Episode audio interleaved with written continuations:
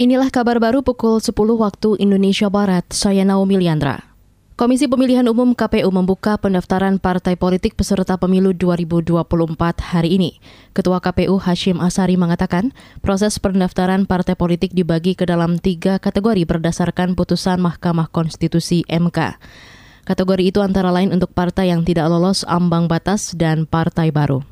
Terhadap tiga kategori partai politik tersebut, Mahkamah Konstitusi mengamanatkan ada beberapa perlakuan yang berbeda.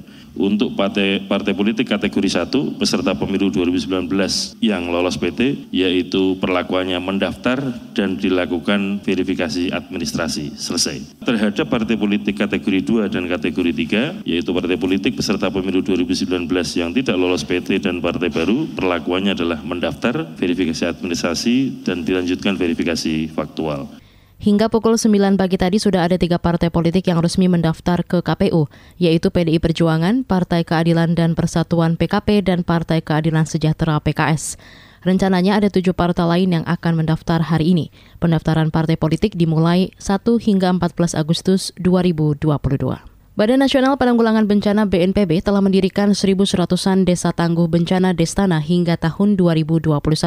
Analis kebijakan Direktorat Kesiapsiagaan BNPB Firza Gozalba mengatakan, pembentukan Destana didasari dari tingginya potensi bencana di hampir seluruh daerah. Menjadi tantangan besar kita karena ketika masyarakat yang berada di daerah remote itu terjadi bencana, tentunya teman-teman BBD, teman-teman uh, SAR, teman-teman relawan butuh waktu yang cukup panjang untuk mencapai titik lokasi bencana tersebut. Itulah hal yang salah satu hal yang mendasari kenapa penguatan kapasitas masyarakat, peningkatan keterampilan masyarakat terkait dengan kebencanaan ini menjadi salah satu uh, program prioritas di BNPB melalui program Desa Tangguh Bencana.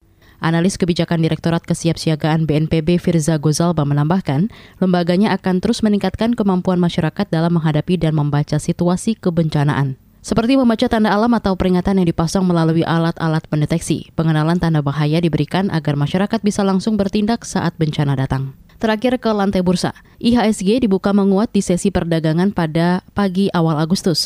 Saham menguat 21 poin ke posisi 6.972. Pada menit-menit awal, sebanyak 1,2 miliar saham telah diperdagangkan dengan nilai mencapai 670 miliar rupiah. Tercatat ada 210 saham menguat, 110-an saham melemah, dan 230 saham stagnan. Sementara itu, kelompok 45 saham unggulan atau indeks LQ45 naik 4,21 poin ke posisi 982. Demikian kabar baru KBR, saya Naomi Liandra.